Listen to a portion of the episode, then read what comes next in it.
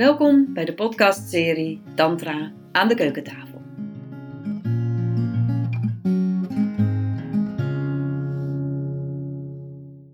Deze podcast is een opname van een webinar dat ik via Zoom heb opgenomen. En aan het begin heb ik gevraagd aan de deelnemers of ze woorden in de chatwindow wilden typen die zij associeerden met Tantra. Het woord seks had ik al genoemd. Dat is een beetje de meest voor de hand liggend, liggende woord. Um, maar daarna zijn er dus verschillende andere woorden getypt en daar ga ik eigenlijk als eerste op in. Mooi. Leuk dat het woord waar ik mee wilde beginnen er niet tussen staat. het lichaam. Nou ja, als, als ik zo zou moeten samenvatten van waar gaat Tantra over? Dan zou ik zeggen, het is een, een spiritueel pad waar het lichaam ook helemaal bij omarmd wordt.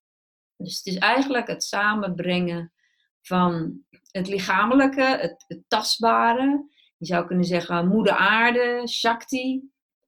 En Shiva, het ongrijpbare, uh, bewustzijn, uh, vaderspirit die twee worden eigenlijk samengebracht in Tantra. Um, in het Engels kan je het zo mooi zeggen: embodied, een embodied spiritual path. Een, belichaamd, ik vind het in het Nederlands niet zo mooi klinken, een belichaamd spiritueel pad. Maar dat is wel um, ja, behoorlijk uniek. En misschien dat wij met elkaar zeggen: ja, is dat nou zo bijzonder? Is dat... Maar als je kijkt naar heel veel andere spirituele stromingen, dan is dat wel degelijk uh, bijzonder. Want um, ja, neem maar het christendom. die heeft toch uh, wel als visie van ja, als je echt tot God wil komen, het spirituele pad wil bewandelen, dan dien je eigenlijk dat lichaam en het lichamelijke en bijvoorbeeld het genot en de seksualiteit dien je te overstijgen. Dat kan niet samengaan. Um, en dat komt hier wel samen. Nou, als je kijkt naar de oorspronkelijke yoga, dan is dat natuurlijk ook een, een, een spirituele visie waar het lichaam ook een belangrijke plek in heeft. Maar we zullen zo zien, misschien nog net wat op een andere manier. Um, ik moet natuurlijk wel even erbij zeggen dat alles wat ik vanavond zeg, is, is mijn visie. Ja, en vraag het iemand anders in Tantra en je krijgt weer een ander verhaal. Um, dat is aan de ene kant um, is het prachtig dat Tantra heel breed interpreteerbaar is. Het geeft heel veel vrijheid. Als ik het wel eens vergelijk met bijvoorbeeld met de islam als religie, die heeft hele duidelijke regels die natuurlijk ook wel verschillend geïnterpreteerd worden. Maar het is behoorlijk duidelijk. Um, nou, in, in Tantra zijn er eigenlijk altijd heel veel verschillende stromingen geweest. Um, en, en ook heel veel verschillende interpretaties en verschillende nadrukken, focussen die gelegd worden. Um, dus die vrijheid hebben we en dat is heerlijk. En het is misschien soms ook lastig, want dan kom je op de ene plek en dan wordt er dit gezegd over tantra en dan kom je ergens anders, is het weer anders. En je leest een boek en je leest wat op internet. Ja, en dan is de uitnodiging om je eigen weg daarin eh, te vinden. Ja. Wie van jullie is trouwens, wie beschouwt zichzelf als heel nieuw op dit pad? Dat je denkt, nou, ik weet het nog allemaal niet zo. Mag ik eens handen zien? 1, 2, 3, 4, 5. Ja, 6. Oké, nou, behoorlijk wat. En, en, de anderen hebben misschien al wat meer zo hun, uh, hun weg daarin gevonden. Mm. Waar zal ik beginnen? Misschien nog eens even kijken naar de woorden die jullie uh, hebben opgeschreven. Hmm. Ja, bewustzijn zie ik staan en energie. En dat zijn twee woorden die terugkomen in de woorden die ik net al noemde, Shiva en Shakti. En daarbij moet ik dan gelijk zeggen dat eh, de stroming die ik volg vanuit de klassieke oude tantra, die heeft zijn linken met het hindoeïsme. En er zijn ook allerlei boeddhistische stromingen. Daar worden net wat andere termen gebruikt. Er zitten zeker overeenkomsten en er zijn ook verschillen. Maar in de stroming die ik volg, um, daar nemen Shiva en Shakti een belangrijke plek in. En je zou dat heel simpel kunnen terugbrengen naar een god en een godin. God Shiva en zijn metgezel Shakti. Maar het staat voor zoveel meer. Het staat voor twee begrippen die eigenlijk steeds terugkomen. Wat ik net al noemde, dat samenbrengen van lichaam en spirit. Zeggen, oké, Shiva woont als het ware hier. Het is het ongrijpbare, is bewustzijn. En al dat bewustzijn krijgt vorm in ontelbaar veel vibraties, energie. Lichamen, woorden, emoties, dingen, de natuur. Ehm, en dat noemen we Shakti. En die twee begrippen, uh, non-dualisme werd ergens genoemd. En daarvan zou je kunnen zeggen, ehm, er is dualiteit.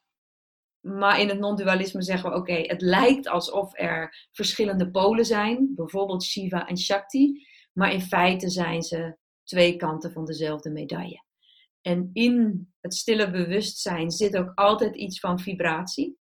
En in alle vibratie en energie zit ook altijd bewustzijn. Want anders kun je het niet waarnemen, kun je er niet bewust van zijn. Nou, die twee begrippen die komen ook bijvoorbeeld bij mij altijd terug in de workshops um, en in meditaties. Dat uh, meditaties hebben ergens ook altijd een stil deel.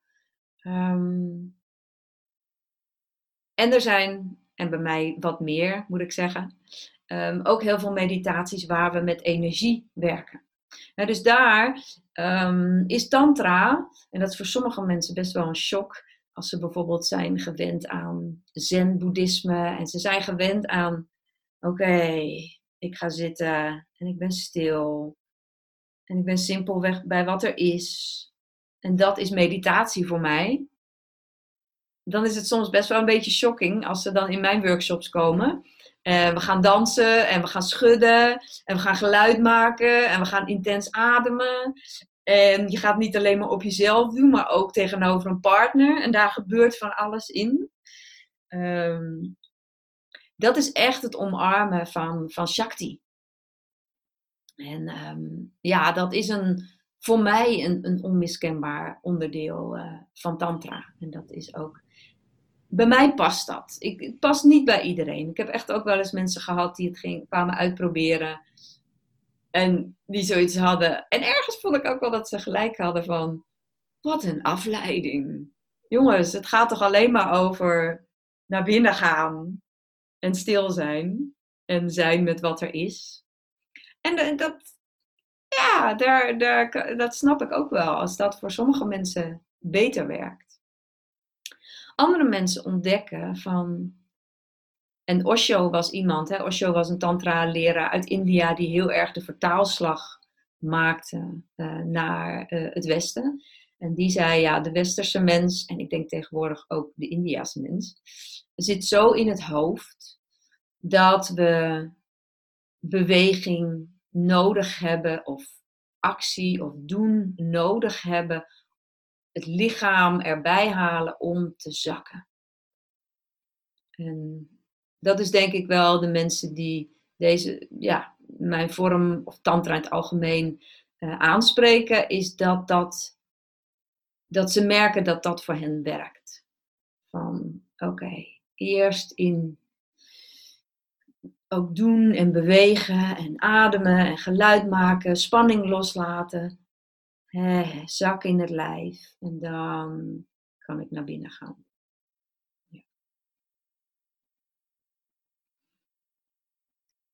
Ehm, als ik kijk naar mijn eigen werk, dan laat ik me wel inspireren door, even heel grofweg gezegd, twee grote stromingen. De ene is dus die klassieke tantra, met meer de hindoeïstische kant en niet de boeddhistische. Ehm, ook heel mooi, maar het is allemaal zo groot. Je kan, dat kan je nooit allemaal in één leven uh, bevatten. Dus je kan beter maar kiezen, gewoon wat er op je pad komt. En die klassieke tantra die ontstond zo ongeveer, of die bloeide in India tussen 500 en 1200 na Christus. Maar daarnaast hebben we ook Neo-tantra. En dat is eigenlijk de tantra die uh, het meest bekend is in het Westen. En die ontstond eigenlijk pas zo'n 100 jaar, 120 jaar geleden. Um, in het Westen met een aantal Westerse mannen die nou, wat dingen hadden opgepikt uit India uh, en die omstreken.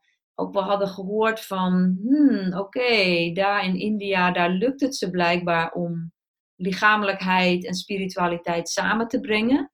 En bij ons hier in het christendom ligt dat toch lastiger. Um, en dat heeft zich zo van leraar op leraar eigenlijk de laatste 100, 120 jaar nou ja, verspreid in het Westen. Maar daar lag dus wel um, heel erg de focus op intimiteit en seksualiteit. En als we kijken naar die klassieke tantra, dan tantra omarmt alles. En wat ik al zei, het is een samenbrengen van spirit en lichaam. Dus ook in de klassieke tantra werd heel veel met het lichaam gewerkt. Maar de seksualiteit was daar maar een klein stukje van. Dus er zijn wel degelijk oude tantrische meditaties die met seks te maken hadden, maar heel weinig. En in principe eigenlijk ook voor de gevorderden. dus daar werd echt wel de seksuele energie werd als een hele krachtige energie gezien. Waar je ook niet zomaar als beginneling aan begon. Dus je was eerst heel lang op dat pad bezig, op alle andere manieren. En dan kon het, in sommige stromingen gebeurde dat meer dan elders, dat er ook meditaties uh, rondom seksualiteit waren. Maar het overgrote deel in de klassieke tantra was een individueel pad met individuele meditaties en rituelen. Wel altijd in een groep, noemen we de kula, de groep eigenlijk die er uh, ter support is voor je. Um, ook altijd met een guru, een leraar in die tijd. dus het werd wel met elkaar bedreven, maar heel erg de focus op je eigen spirituele pad. En dat is dus een verschil met de Neo-Tantra. Daarin was uh, het contact met de ander en ook de uitwisseling in duo-meditaties, die neemt daar veel meer een plek in. En zelf combineer ik die twee. dus ik vind aan de ene kant dus het, het eigen individuele pad heel belangrijk. En tegelijkertijd zie ik ook um, hoe mensen een verlangen hebben naar verbinding met anderen ik denk dat is, als ik alleen maar workshops zou geven waar alle meditaties en onderdelen op jezelf zijn, vermoed ik dat ik een stuk minder eh, deelnemers uh, heb.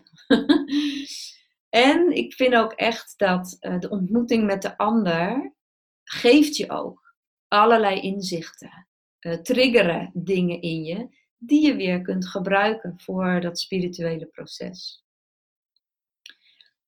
En wat is dan dat spirituele proces? Dan zal ik eventjes drie uh, woorden typen. Dit zijn uh, de drie woorden in het Sanskriet die staan voor de doelen van klassieke tantra, die in klassieke tantra werden erkend. En Bodha staat voor awakening, voor ontwaken. En iemand noemde zelfverkenning, zelfverwezenlijking, zelfrealisatie ontdekken dat je meer bent dan wat we ook wel de body-mind noemen. Dat je meer bent dan je zelfbeelden, je gedachten, je emoties, de gedoetjes in je hoofd. Ehm, dat er diep in jou, ja, wat noemen we het, ware zelf, je essentie, je kern. Dat er een plek is in jezelf die dat andere nou, overstijgt, is eigenlijk niet eens het goede woord, maar die de basis is. en ik denk dat heel veel mensen onder ons dat op een gegeven moment een gevoel hebben van: hé, hey, dit, dit kan het niet allemaal zijn. Er moet meer zijn. Ik voel dat er een diepere laag in het leven te pakken is dan het oppervlakkige waar we, nou, oppervlakkig is even een oordeel, maar dat gebruiken we dan soms het niveau waarop we misschien gewend zijn geraakt om te functioneren. Vanuit het hoofd, vanuit patronen, conditioneringen. Dat we voelen van, hé, hey, maar dit kan het niet zijn. Er, er moet een diepere laag zijn. En dat je realiseren wat je werkelijk bent, namelijk bewustzijn in de vorm van een bepaalde energie, vibratie, dat noemen we dat ontwaken. Ehm, maar alleen dat inzicht hebben, dan zijn we er nog niet. Er zijn stromingen, niet in Tantra, maar daarbuiten, die zeggen: het zien is mean, zoiets van: to see it is to. ik weet het even niet meer. Maar in ieder geval, als je het ziet, dan is het genoeg. Dan ben je er. Dan ben je ontwaakt, dan ben je verlicht. Nou, ik moet de eerste persoon nog tegenkomen die dat hele inzicht al gelijk in zijn hele leven kan integreren. Ik denk dat we, nou ja, iedereen die alles een workshop in Tantra of een andere spirituele workshop heeft gevolgd, of in de natuur, of waar dan ook, een, een diepe spirituele ervaring heeft gehad. Die kent waarschijnlijk het, het, het verschijnsel van, oh wauw, oh ja, alles, alles is goed. Het kan ook met drugs gebeuren. alles is één, dat je ineens de eenheid in alles voelt. Maar een dag later ben je op je werk of uh, je komt je partner tegen of je vader of je moeder of whatever en bam, auw. Ja? Dus moksha uh, betekent bevrijding. Uiteindelijk is het een heel lang integratieproces van dat inzicht van oh Eigenlijk is het heel simpel. Ik kan zo naar binnen gaan, naar een plek in mezelf. Waar alles oké is. En waar kan, ik kan kijken naar mijn gedoetjes en mijn emoties. Maar ik hoef me er niet mee te identificeren. Dat inzicht is heel simpel. Maar ga er maar aan staan in alle uitdagingen die we tegenkomen. En dat is het proces wat bij de meeste mensen misschien een leven lang duurt, of in ieder geval een flinke tijd. Dat je dat kan integreren en dat je dus beetje bij beetje jezelf bevrijdt van alles wat je verkrampt houdt. Ja, dat kan in je lichaam zijn, dat kan in je relaties zijn, dat kan in het leven in het algemeen zijn. Dat je merkt, oh, ik handel steeds weer vanuit angst, vanuit verkramping. Ah, ik noem maar wat de coronatijd. Hè, wat doet dat met je? Kan je daarin open blijven, in vertrouwen blijven? Of raak je in boosheid of in verkramping? Alles is oké. Er is nergens een oordeel. En je kan voelen van, ah, wat is mijn verlangen? En voor de meeste mensen is er wel een diep verlangen naar bevrijding, naar vrij zijn, naar open zijn, naar in overgave zijn in de flow zijn. in plaats van uh, de contracted self. En die staat van zijn is meestal ook fijner voor de mensen om je heen. Dan weet ik niet of je het per se voor de mensen om je heen moet doen. Maar ook voor ja, wat je kunt neerzetten in het leven, um, is het wel effectiever om in die open staat van zijn te zijn. Nou, Boda en Moksha zijn doelen die in heel veel spirituele stromingen terugkomen. Zoals bijvoorbeeld ook de oorspronkelijke Hatha Yoga. Alleen Tantra voegt daar nog een derde doel aan toe, Bhoga. En dat is genieten van het leven. Dus daar komt dat lichaam nog eens expliciet terug. Dat Tantra je uitnodigt om volledig te genieten van het lichaam, van alles wat zintuigen waarnemen, um, seksualiteit, lekker eten, wereldsucces. Alles is welkom in Tantra. Tegelijkertijd is natuurlijk wel de vraag van wat is de balans met die andere twee doelen? Want is het dan helemaal oké als ik gewoon alleen maar al mijn verlangens ga najagen? Naar succes, naar eer, naar uh, veel seks, uh, heel veel eten. en dan wordt wel gezegd van, oké, als, je als je dat allemaal wil doen, en dat is jouw pad in dit leven, go for it. Maar om het tantra te noemen, mogen die andere twee doelen, die dienen er wel bij te zijn. Dus ja, ook het omgaan met verlangens. En vooral ook hoe ga je om met verlangens als ze niet vervuld kunnen worden. Ehm, hè, en daar bewustzijn bij brengen. Uh, dat is wel degelijk tantra. En ja, die eerste twee doelen en dan die derde, die kunnen soms ook wel wat op gespannen voet zijn, staan. Ehm, ik kan me ook echt voorstellen dat er mensen zijn in andere spirituele stromingen die zeggen: ja, ja, ja, die tantrika's, hè, die willen gewoon alles. Die willen van alle walletjes eten. En nee, nee, nee, wij, wij ontzien onszelf daarvan. En, uh, ja, daar zit misschien ook wat in. Het is natuurlijk heerlijk om alles te mogen. Maar om daarbinnen dan het spirituele pad te blijven bewandelen is een, is een uitdaging. En een, een, een verschil, zeg maar, eh, met, ik zou zeggen, doelgroep. Voor, voor wie is Tantra? In de oorspronkelijke Tantra werd gezegd dat is voor householders. Voor mensen, niet mensen die zich terugtrekken in een klooster en zich dus ontdoen van alle wereldse zaken. Maar mensen zoals, ik denk de meeste van ons, die volop in het leven staan.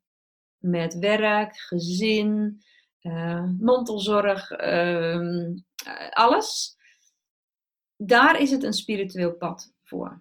Want het zou, ja, dus de oorspronkelijke Hatha Yoga was dat, ehm, was dat niet. Dat was voor mensen in een klooster. En ja, de vraag is voor hoeveel mensen dat dan ehm, geschikt is. Als je, ja, hoe is dat als je in een relatie bent of je hebt een baan en vervolgens wil je dat spirituele pad gaan bewandelen en moet je dat allemaal loslaten? Dat kan. Er zijn natuurlijk mensen die die keuze maken. Het zou heel interessant zijn als de hele wereld die keuze zou maken. blijft er weinig, blijven er weinig mensen over. Wat niet erg zou zijn natuurlijk met de overbevolking op dit moment. Dus misschien moeten minder mensen aan tantra doen. Want die planten zich voort met, met al die seks.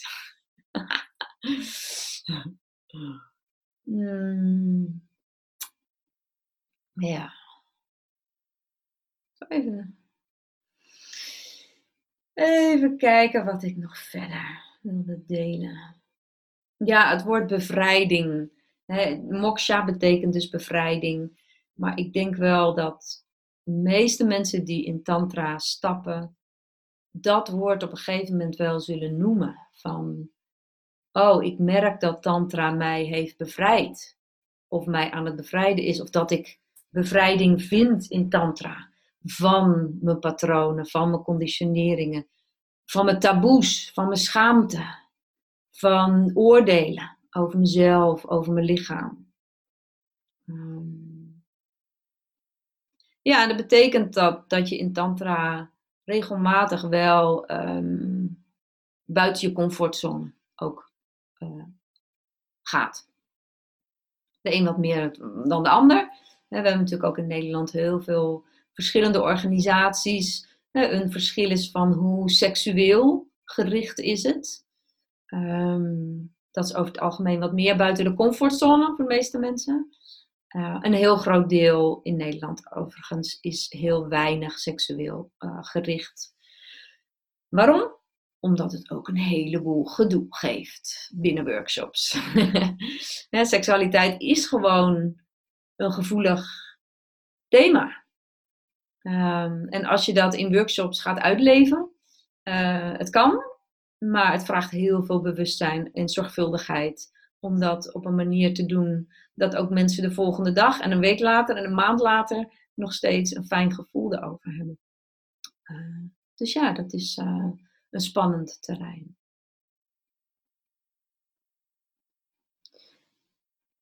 Ik geef zelf geen tantra-massages, um, maar Tantra-massages zijn bij, wel, bij veel mensen bekend als een vorm van tantra. Ik, ik zelf maak altijd wel een beetje een onderscheid. Ik weet niet of iedereen het in het tantraveld daarmee eens is.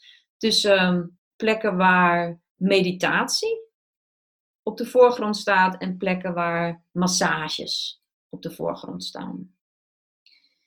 Ehm, en ik zit dus zelf meer in de meditatiekant. Maar ik vind het wel een leuke vraag om over na te denken van een tantra-massage.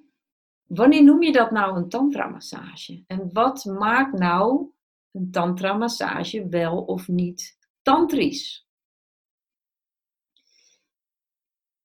Ik denk dat de meeste mensen bij een tantra-massage denken aan een sensuele massage, waarbij sensualiteit en seksuele energie welkom is en mag stromen.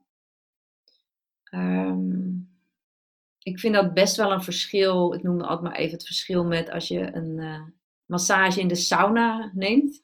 ik weet niet of jullie het wel eens gehad hebben. Dat is uh, helder en redelijk afstandelijk. Als ik daar lig zelf, dan ga ik niet heel intens ademen.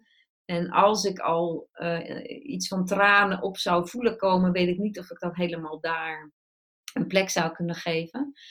Um, terwijl in principe als je voor een tantra-massage gaat, dan zijn dat soort dingen helemaal welkom. Zijn emoties welkom, is, word je aangemoedigd om intenser te gaan ademen, zodat je energie kan gaan stromen, je levensenergie. Dat zou ook seksuele energie kunnen zijn. Dat kan je op allerlei manieren ervaren. Dat kan als opwinding voelen, maar dat kan ook veel breder zijn. En op sommige plekken kan het ook dat de geslachtsdelen worden aangeraakt. Dat, ook dat is weer iets wat grote zorgvuldigheid vraagt. En wat nou ja, ook wel ter discussie staat van is het legaal, mag het, is het verstandig, et cetera, et cetera. Ehm, je zou kunnen zeggen, als je voor een, een tantra-massage gaat, gewoon omdat het fijn is, dan zou je dat boga kunnen noemen, dat derde doel. Ehm, en dat is voor sommige mensen super mooi om dat te ervaren. Mag ik genieten? Kan ik mezelf toestaan om te genieten dat mijn lichaam wordt aangeraakt, dat het helemaal voor mij is, dat mijn levensenergie, mijn seksuele energie welkom is. dat dat niet weggestopt hoeft te worden. Ehm, dus dat is een prachtig onderdeel. Tegelijkertijd, als we dan kijken naar de visie van de klassieke Tantra, van maar waar zijn die andere twee doelen? Zijn die er ook? Ehm, dat kan, maar het hoeft niet. dus je zult plekken hebben Ehm, je hebt een heleboel plekken waar je tantra-massages uh, kan hebben. En soms wordt gewoon even het woord tantra gebruikt omdat het goed verkoopt. maar hebben mensen helemaal geen uh, kennis van tantra. Maar ik denk dat je plekken hebt waar je gewoon heerlijk voor de ervaring gaat. En je zult plekken hebben, en zeker als je vaker bij dezelfde persoon komt, dat het een laagje dieper kan gaan. Dat er meer bewustzijn bij gebracht wordt van hé, hey, wat gebeurt er bij jou in de massage? Waar kun je je overgeven? Waar blokkeer je? Waar verkramp je? Wat, hoe kan ik jou helpen om ja, daarmee te zijn en misschien daar doorheen te ademen en daarmee ehm, bevrijding te ervaren? Waardoor die massage dus een onderdeel wordt van je persoonlijke spirituele pad. En dan zou ik het tantrisch noemen. Dus daar waar in de volksmond het woord tantrisch vaak gelinkt wordt aan sensualiteit en naaktheid en seksualiteit, zit het hem voor mij dus in dat bewustzijnstuk. Dat je het onderdeel maakt van, van je proces, van je pad, van steeds dichter nou, dieper in jezelf zakken eigenlijk.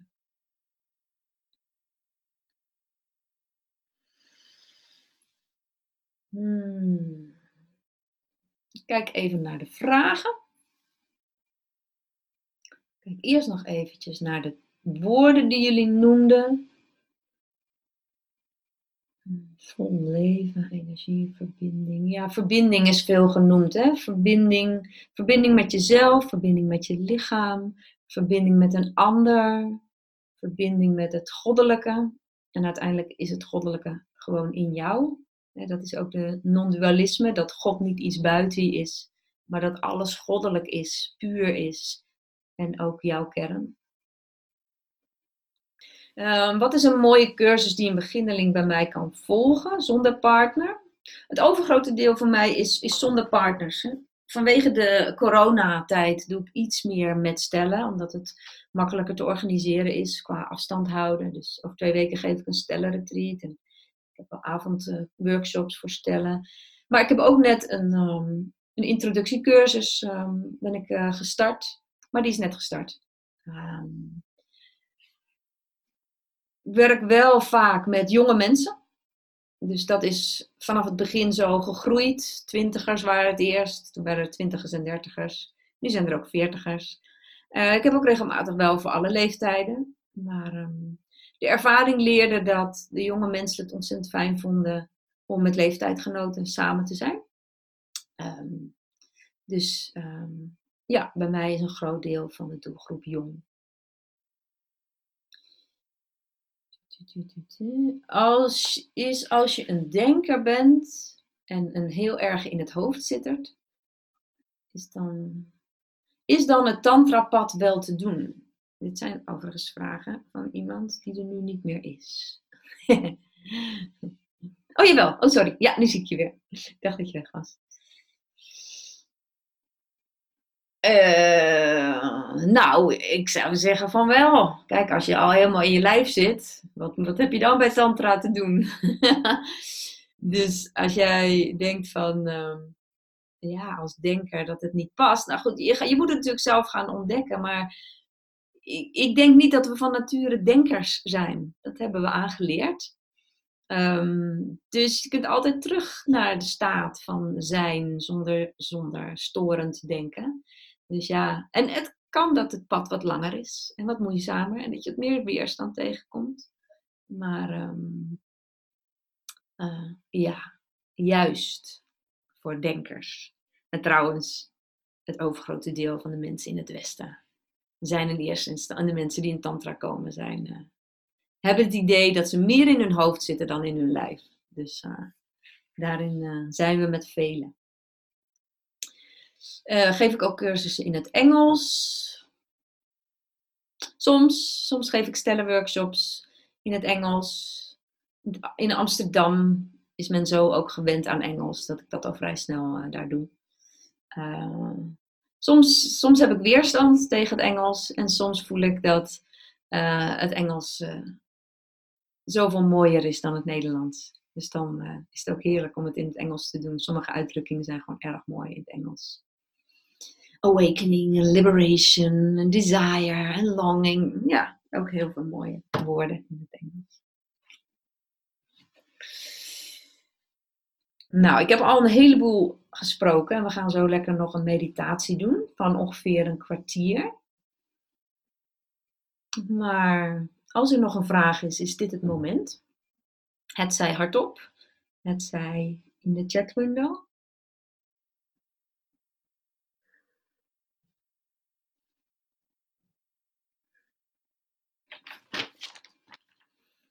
Shiva en Shakti, ja, dat ging snel, hè? Kun je het nog even herhalen, ja.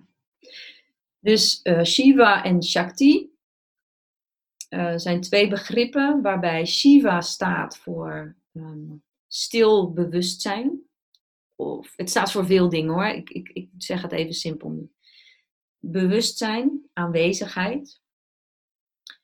En Shakti staat voor power, kracht, maar vooral ook energie.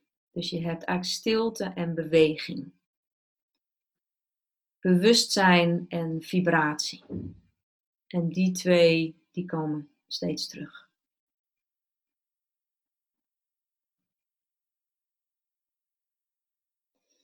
De cursus die nu is, die heet Introductiecursus. Tantric Journey. En het verschil tussen een erotische en een tantrische massage vooral bewustzijn. Ja, ik vind dat woord erotisch is ook wel heel interessant. Ik weet niet of jullie Esther Perel kennen, een uh, psychotherapeute. Die gebruikt dus in het Engels eroticism. En daar, ja, zij legt uit dat dat, je zou het misschien beter als erotisme kunnen vertalen. Dat het een enorm breed begrip is, wat vooral gaat over levendigheid, over Shakti. Terwijl wij het natuurlijk terugbrengen naar, ja, als je tegen mij het woord erotiek zegt, dan denk ik aan een kanten BH'tje en dat soort zaken. dus het wordt sowieso heel erg teruggebracht in ons taalgebruik naar seksueel, opwindend. Terwijl eigenlijk gaat het over eros, levendigheid, liefde. Ehm, dus het is even de vraag wat jij hier bedoelt met erotisch. Maar ik denk wel dat als je naar een massagesalon gaat en een erotische massage vraagt of krijgt, uh, dan uh, vermoed ik dat het uh, vooral over opwinding gaat en dat ze ook ervan uitgaan dat je een happy ending eh, wil, inclusief orgasme. Bij de tantrische massage, dat is dus de vraag wie je voor je hebt. Heb je iemand die achtergrond in tantra heeft. Um, gebruikt iemand het, het woord tantra gewoon omdat het lekker verkoopt? Maar is het eigenlijk een erotische massage? Zoals ik daar het beeld van heb. Um, dus ja, het gaat hier denk ik vooral even over taalgebruik. En ik ben heel benieuwd naar een erotische massage met bewustzijn. En dat is waarschijnlijk hetzelfde als een tantrische massage met bewustzijn. Ja. ja. ja. Oké. Okay. Naar de meditatie. Um, in Tantra werken we met het energielichaam. Heel veel. dus ja, bij biologie hebben wij allemaal ooit geleerd over, we hebben een fysiek lichaam. Um, maar in de Oosterse traditie, dat weten jullie natuurlijk, de meridianen en de chakra's, daar is energie ook helemaal een onderdeel. Nou, dat wordt ons niet geleerd, dus wij mogen dat allemaal later nog eens leren. Tegelijkertijd weet iedereen wat energie is.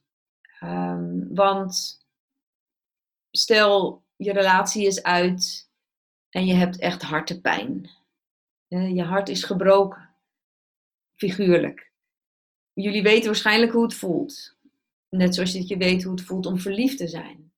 En dan voel je iets in dit gebied en dan weten we dat daar fysiek niks met het hart aan de hand is bij een gebroken hart.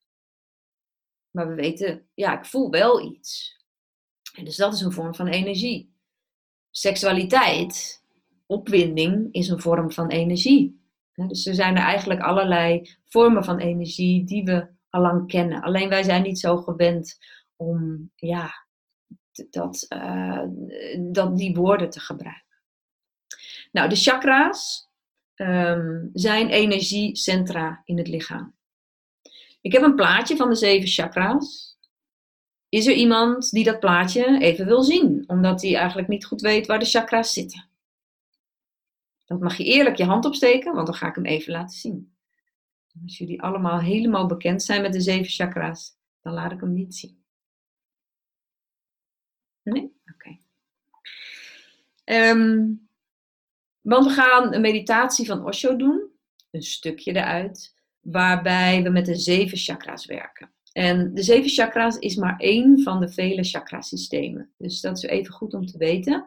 Dat het niet zo is van we hebben zeven chakra's en die zitten op die en die plekken. Maar het ligt eraan welke stroming in Tantra je volgt, welk chakrasysteem je gebruikt. Dus ik ken bijvoorbeeld ook het 12 chakra systeem en het 5 chakra. Nou, Osho gebruikte volgens mij altijd het zeven chakra systeem. En in het Westen is dat ook het meest bekend geworden.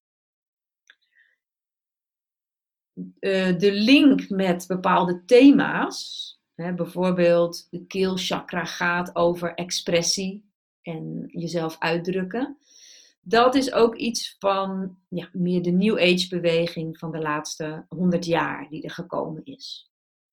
En ik vind het wel leuk dat in deze chakra sounds meditatie van Osho, dat hij het eigenlijk wel op de klassieke manier gebruikt. Namelijk dat we gewoon alleen maar vibratie, geluid gaan gebruiken om die chakra's te activeren. Waarom doen we het? Omdat bij de meeste mensen het energielichaam als het ware verstopt zit.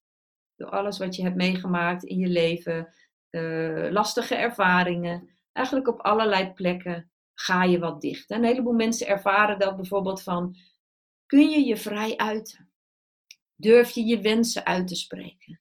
Durf je geluid te maken? Nou, heel vaak, aan het begin van een workshop, als mensen net in tantra komen, no way, daar zit allemaal schaamte op. Om geluid te maken, om jezelf te laten horen. dus daar zit een blokkade. Als je veel verlating hebt meegemaakt of afwijzing, zit er vaak een pijnstuk rondom het hart. en is het daar niet helemaal open. Seksualiteit hebben een heleboel mensen blokkades. dus al die plekken eigenlijk in het lichaam, die kennen wel een soort van verstoppingen. En dan zijn er allerlei meditaties waarbij dat opener en vrijer kan worden. Dat gaat over het algemeen niet binnen een kwartiertje. dus het is proeven aan de meditatie. Uh, sowieso is de oorspronkelijke meditatie drie keer zo'n ronde, zoals wij nu gaan doen. En ja, je moet gewoon weten dat het tantrapad um, een langdurig pad is. Ja, gewoon van jarenlang. Gelukkig is het pad leuk en mooi en af en toe ook heel shit en moeilijk. Maar uh, alle kanten eigenlijk van het leven. Maar ja, soms, soms ervaren mensen al wel gelijk in een korte meditatie van alles. Of ze ervaren daarna bijvoorbeeld heel veel rust of stroming. Uh, dus daar is van alles in mogelijk. Um, ik zet zo meteen muziek op. Die duurt een kwartier. En we beginnen bij het onderste chakra de bekkenbodem. En je brengt uh, de chakra sounds, heet deze uh, meditatie. Je brengt je aandacht, hè, je sluit je ogen straks en je brengt je aandacht in het onderste eerste chakra, Muladhara. Dat is de bekkenbodem. En ik nodig je uit om geluid te maken. Dus het is um, een eentonige toon, zeg maar. Dus bijvoorbeeld zo. Uh,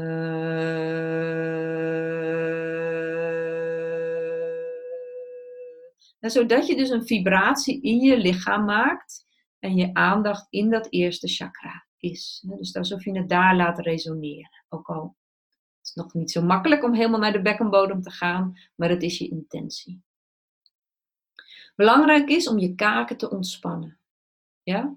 Dus uh, je laat je mond open hangen meditaties zien er niet altijd charmant uit. Maar het is wel belangrijk, want als je het hier gaat zitten vasthouden, dan breng je hier een scheidlijn aan tussen je hoofd en je lijf. Niet handig.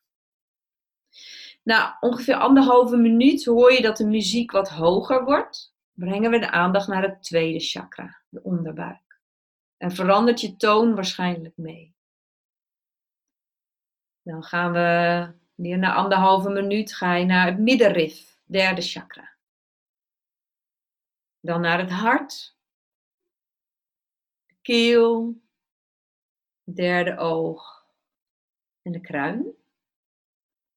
En dan zul je een paar belletjes horen en gaat de muziek in een wat sneller tempo ook weer terug naar beneden. Dus op een gegeven moment hoor je de muziek naar beneden gaan, zak je terug naar derde oog, naar de keel, het hart, het middenrif, onderbuik, bekkenbodem. Ja? Belangrijk namelijk in Tantra is dat we niet alleen transcendent bezig zijn, dat we de dingen willen overstijgen, dat we willen opstijgen als het ware, maar we willen alles belichamen. En dat zie je dan ook in zo'n meditatie terug, dat we de energie ook weer naar beneden brengen.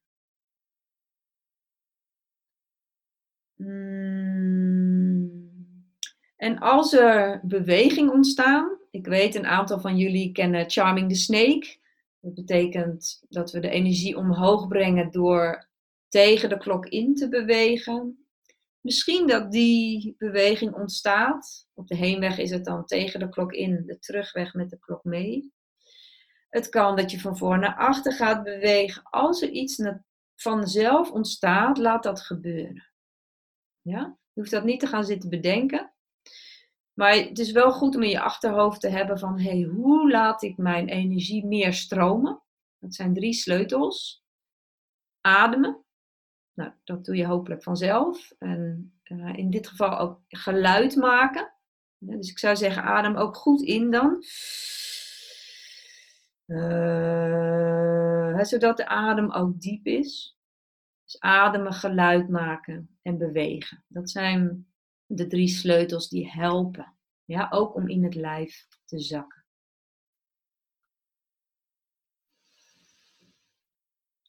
Nou, en nogmaals, we doen maar één ronde, dus het is een beetje proeven aan. Tegelijkertijd zou ik zeggen, nu je weet dat het maar één ronde is, ga er ook voor. En hij zegt van oké, dit kwartier heb ik al mijn focus erbij. Ik ga even niet aan boodschappenlijstjes denken of aan alles. Weet je, die mind die wil van alles doen. En vaak als we drie rondes doen, dan is de eerste ronde een beetje de inkomen. De tweede ronde nog wat meer. En de derde ronde ga je ervoor. Nu zou ik zeggen, ga er gelijk voor. Ja, en zit hier met al je focus, wetende dat het maar een kwartier is. En daarna wordt het even stil en hebben we een paar minuten om na te voelen. Kan je zitten doen, kan je lichaam doen, wat je wil. Er zijn hier nog vragen over. Nee. Dus luister naar de muziek. Je hoort vanzelf wanneer we omhoog gaan. Ontspan je kaken en laat lekker op de uitademing geluid ontstaan. Ja, dus je kunt je ogen sluiten en het beeldscherm lekker gaan.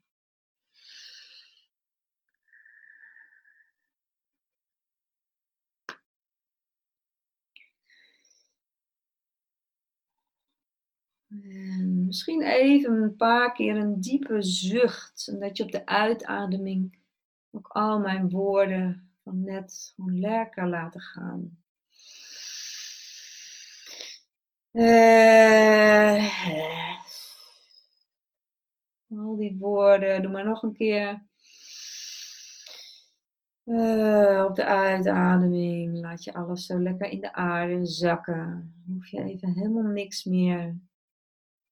De tantra gaat vooral over ervaren, niet over denken over en proberen te analyseren. Dus je mag helemaal gaan naar de sensatie in je lichaam. Breng je aandacht naar de bekkenbodem. Voel jezelf zitten op kussentje.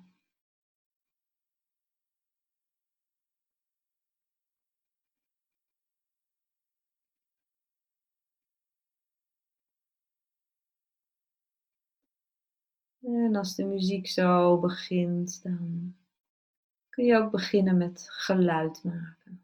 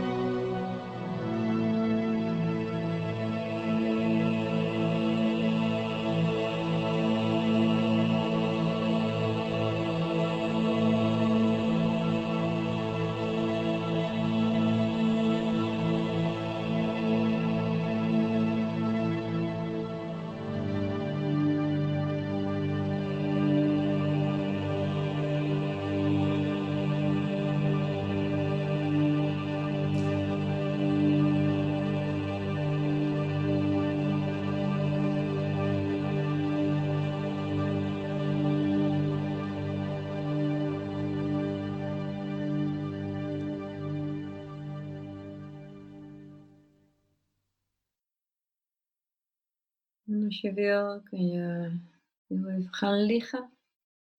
En anders blijf je zitten. Na alle shakti van het geluid maken en ademen en bewegen, gaan we naar Shiva. Simpelweg aanwezig zijn in de stille ruimte. Aandacht zoveel mogelijk in je lichaam.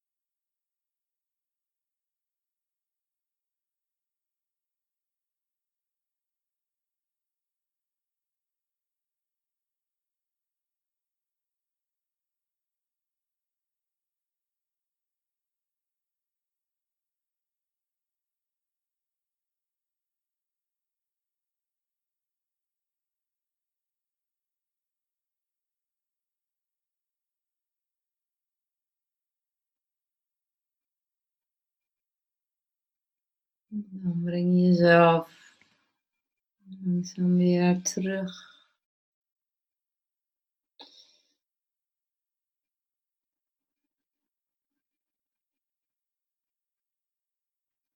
Misschien is er niet veel bijzonders te voelen. Misschien voel je ook wel subtiel iets, misschien heel sterk.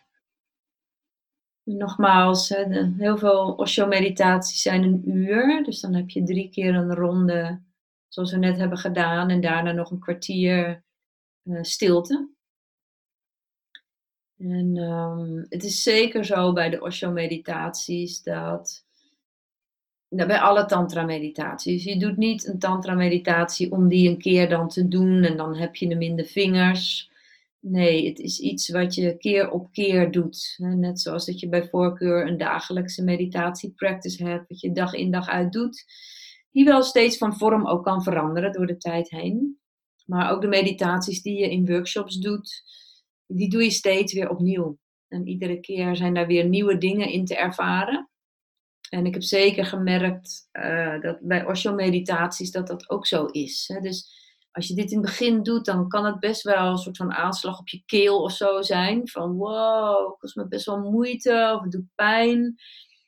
Ja, kun je daar dan mee zijn? Uiteraard je eigen grenzen ook in de gaten houden. Hè? Dat, als je heel erg keelpijn hebt, uh, dan doe je het niet. Of juist wel, misschien ga je ergens doorheen, je weet maar nooit.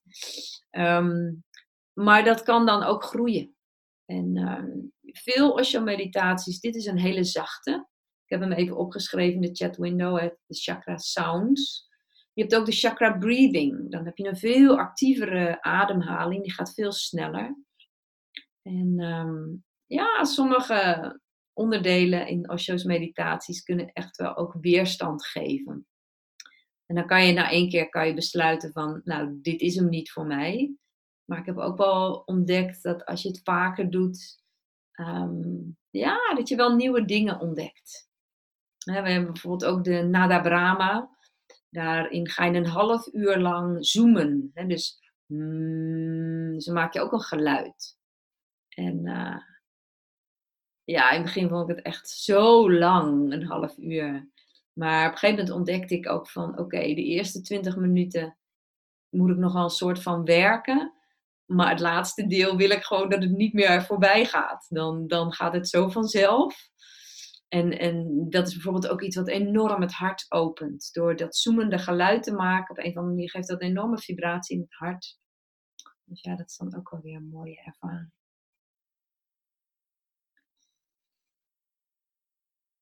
Hmm.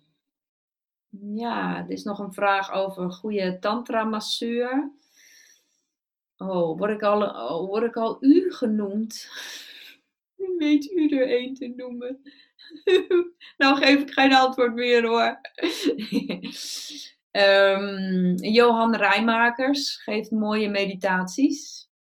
Um, ja, een integere man. Grote man. Uh, maar heb ik ook wel mee samengewerkt. Um, Helene Baas fijne vrouw in Utrecht die mooie, mooie massages geeft. Ja, er zijn een heleboel.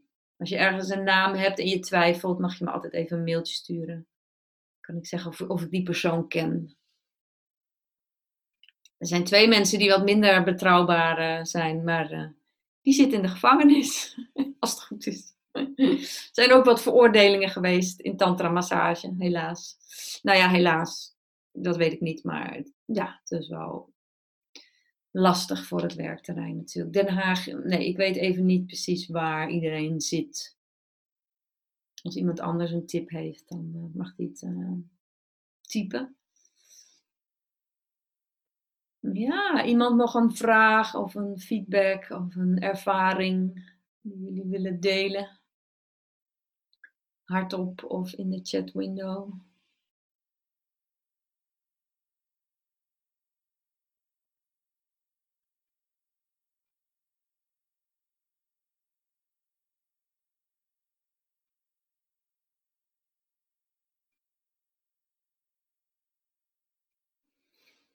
Nee.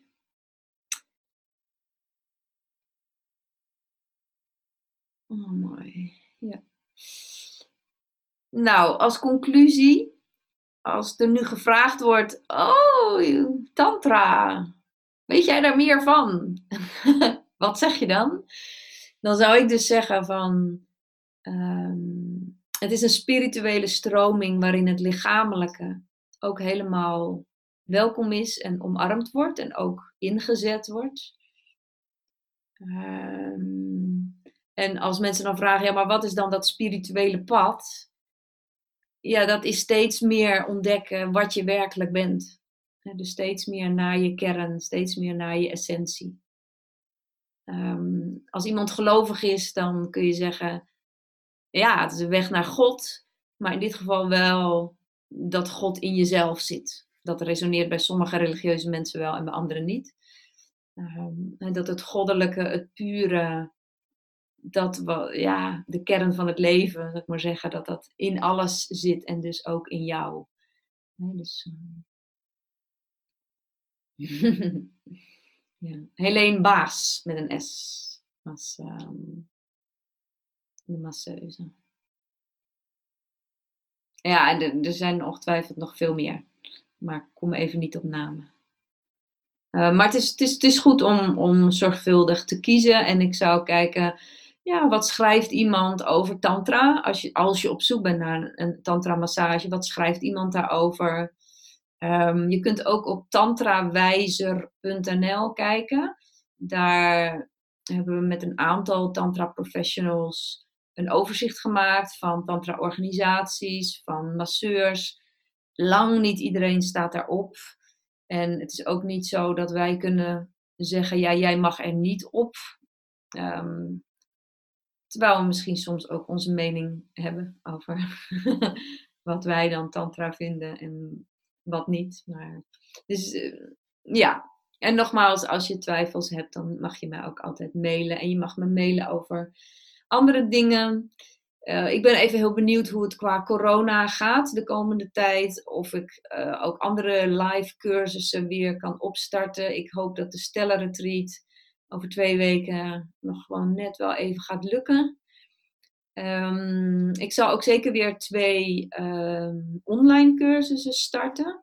En zeker als de boel weer wat meer dicht gaat. Want dat heb ik in het begin van de coronatijd ook gedaan.